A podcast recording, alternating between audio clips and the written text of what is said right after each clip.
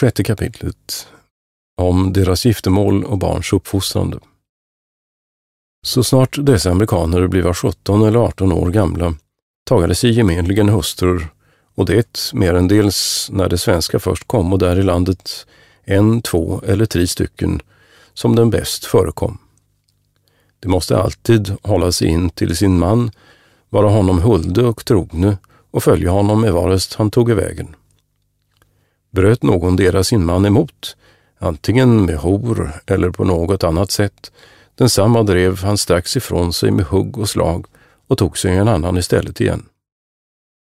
När en säkerman sig hos dem befriar, då skall hans brud vid år och dag gå hela tiden ut i sin brudskrud, all överklädd med deras uppträdde penningar ut i allehanda figurer, var med håret, öron, armar och median allt intill knät utsirat är, samt med smörjande hår och målat ansikte med allehanda slags kulörer, som ett fasligt skråbukeansikte, varandes hon då på det bästa sättet efter deras vis beprydd. När de barbarers hustru är havande brukade inte ett omgänge med sina män, plägandes ej heller då röra vid sin mat som de äta med bara händerna, utan med träd eller sticka. De hava mycket lätt för att föda barn, ty när deras födslotid är för handen går de avsides i skogen till någon bekväm buska eller träd, varest det då på en liten stund blivit beställt utan någon möda. När det hava fött löpa de strax i vattnet och tvätta sig tillika med fostret. Dagen därefter är det så friske som till förne. Sedan svepade in barnet ut i gamla klutar eller skinn och lägga det på ett tunt bräde som litet längre och bredare är än barnet. Lindades således fast därvid med träne långe och brede lindor, på det det må bliva rätt utsträckt och rakt. Den första linda det är över pannan, den andra över armarna och den tredje mitt över knän och omkring brädet. Knytandes det rätt hårt till brädet, sätta det sedan ifrån sig på marken, böja så en båga däröver, som på båda sidor i jorden är fästas. Däröver hölja det ett hjorteskinn och när det taga barnet till sig att giva det di, dages det till lika med brädet, så att det alltid blivit således därvid fast liggandes. Ibland hänga det åk på ryggen och gå vares det vilja.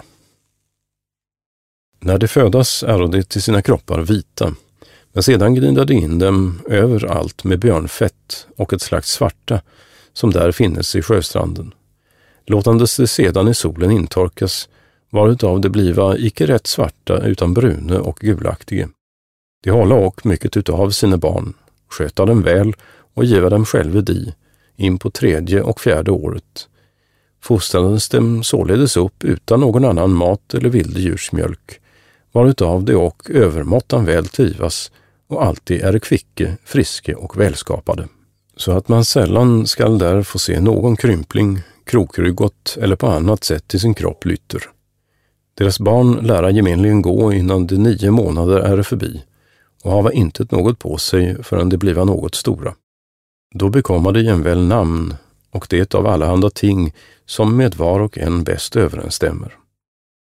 Medan de är gossar övade sig på fiskeri, men sedan de bliva något äldre begivade sig i skogen och beflita sig om skjutande och jagande och när de där utinnan hava visat något märkeligt prov på sin manlighet söka de att gifta sig.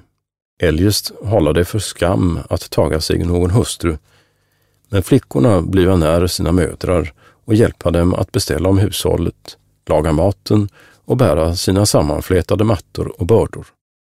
När de vilja gifta sig, som gemenligen sker på deras trettonde och fjortonde åldersår, plägar de förtäcka sina bröst som draga något på sina huvuden, varutav man sådant se kan.